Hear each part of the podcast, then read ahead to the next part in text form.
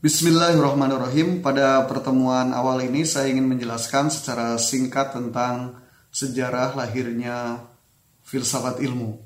Penjelasan ini merupakan bagian dari basic konsep atau konsep yang sangat mendasar untuk kita memahami lahirnya filsafat dan sekaligus filsafat ilmu.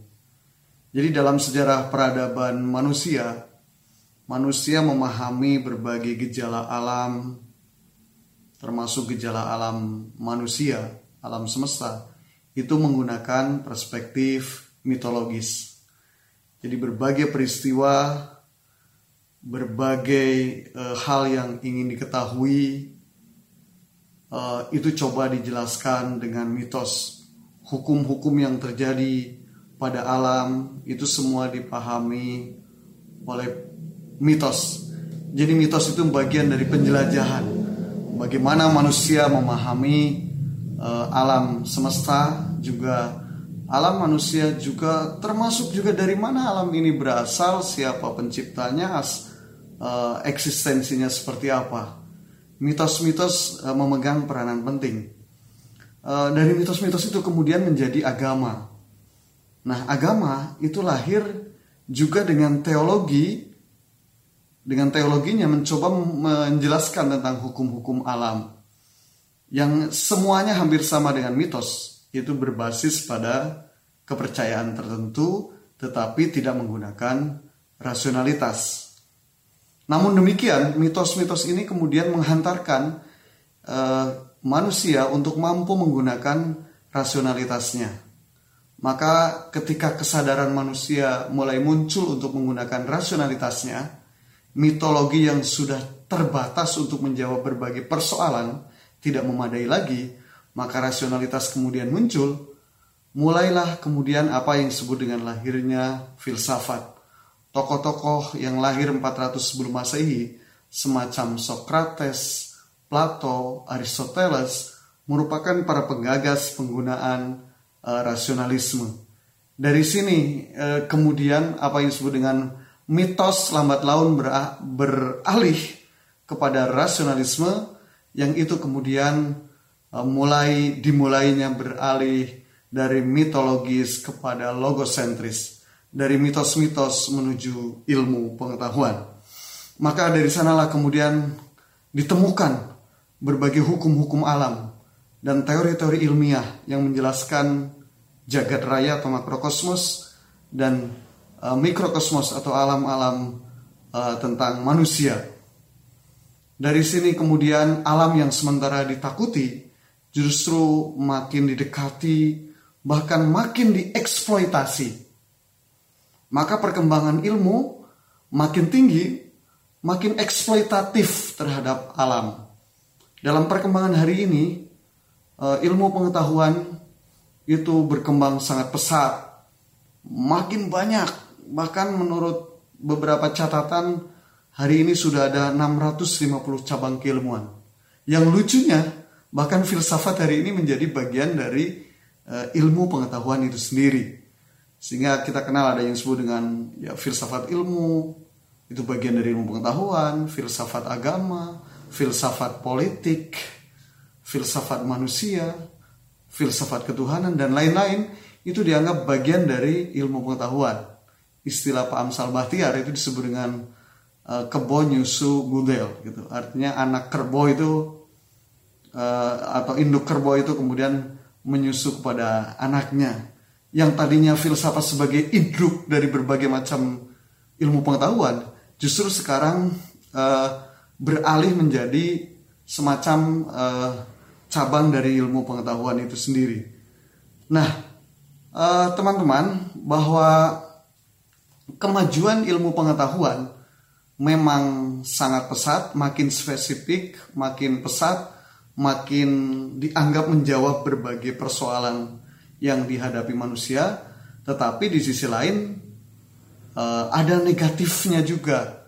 Catatan John Naisbitt misalkan mengatakan bahwa aspek negatif ilmu pengetahuan itu ditandai satu, masyarakat lebih menyukai penyelesaian secara kilat dari masalah agama bayangkan ya kalau ada persoalan-persoalan agama ya ini cepat gitu sampai kepada masalah gizi. Masyarakat tuh takut tapi sekaligus memuja teknologi. Takut kita sama teknologi, efek-efek negatifnya, tetapi kemudian e, merasa butuh dan sangat e, apa namanya kita puja dan puji karena teknologi ini kita jadi cepat bekerja. Karena teknologi ini ke Amerika hanya butuh beberapa jam. Karena teknologi uh, drone uh, kita seperti diliput dalam sebuah uh, alam semesta gitu. Artinya bisa diliput dari berbagai uh, sisi gitu ya. Dari atas dari bawah dari samping dan seterusnya. Tidak tidak seperti ketika belum ditemukan teknologi drone misalkan dalam uh, pengameraan. Kita hanya bisa melihat uh, satu sisi saja tetapi dengan drone itu berbagai dimensi kita bisa saksikan. Nah dengan itu kita memuji, memuji, memuji berbagai teknologi, tetapi sekaligus kita juga merasa takut efek negatif dari teknologi. Misalkan bagaimana kalau terjadi perang nuklir antar negara, perang perang bom antar negara, uh, itu tentu hal yang mengerikan.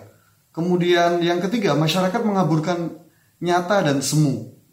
Kemudian yang keempat masyarakat menerima, menerima kekerasan sebagai sesuatu yang dianggap wajar kalau ada kekerasan-kekerasan itu uh, empatinya menjadi kurang.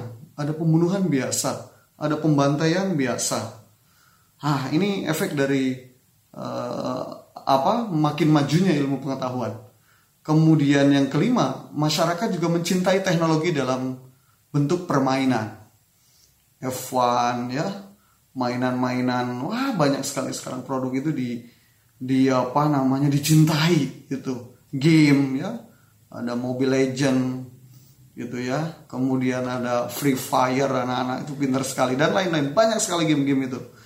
Itu itu di dicintai oleh bukan saja oleh anak-anak tetapi juga oleh para generasi yang sudah uh, berumur uh, remaja tua begitu kemudian uh, kita masyarakat menjalani kehidupan yang berjarak tapi berenggut dengan teknologi informasi yang makin canggih, media sosial, kita berjarak tapi kita memang berenggut gitu ya.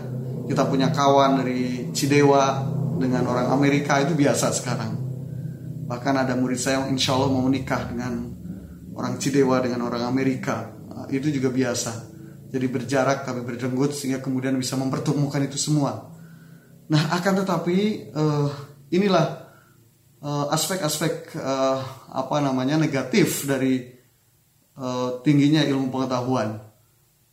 Golsani, seorang penulis uh, buku dari Iran, ya tentang uh, jejak Tuhan dalam sains, dia mengatakan bahwa saat ini memang sedang terjadi krisis, ya krisis moral dan etika dalam pengembangan sains dan usaha-usaha ilmiah. Di antaranya adalah pandangan mekanistik tentang alam pada abad 17 dan 18 yang menempatkan alam sebagai mesin tanpa hak-hak atau kepentingan yang melekat pada alam sehingga berujung pada sikap eksploitatif terhadap alam.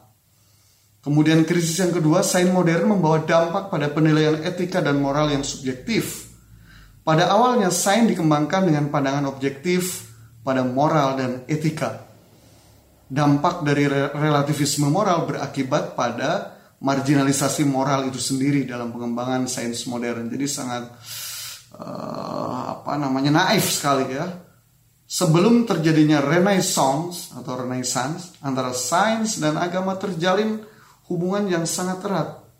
Tapi sayang kemudian perkembangan selanjutnya justru antara sains, moral dan agama mengalami keterpisahan sehingga terjadilah melemahnya kepercayaan pada otoritas agama yang berpengaruh pada nilai-nilai moral dalam semua hidup kehidupan termasuk sains dan berbagai usaha ilmiah.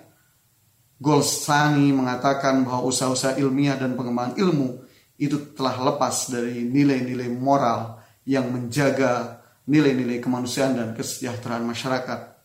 Dalam konteks krisis seperti inilah maka kemudian kita perlu mengevaluasi, menilai kembali tentang uh, ilmu dan perkembangan ilmu yang sedang berjalan, bahkan kalau perlu merumuskan kembali ilmu pengetahuan.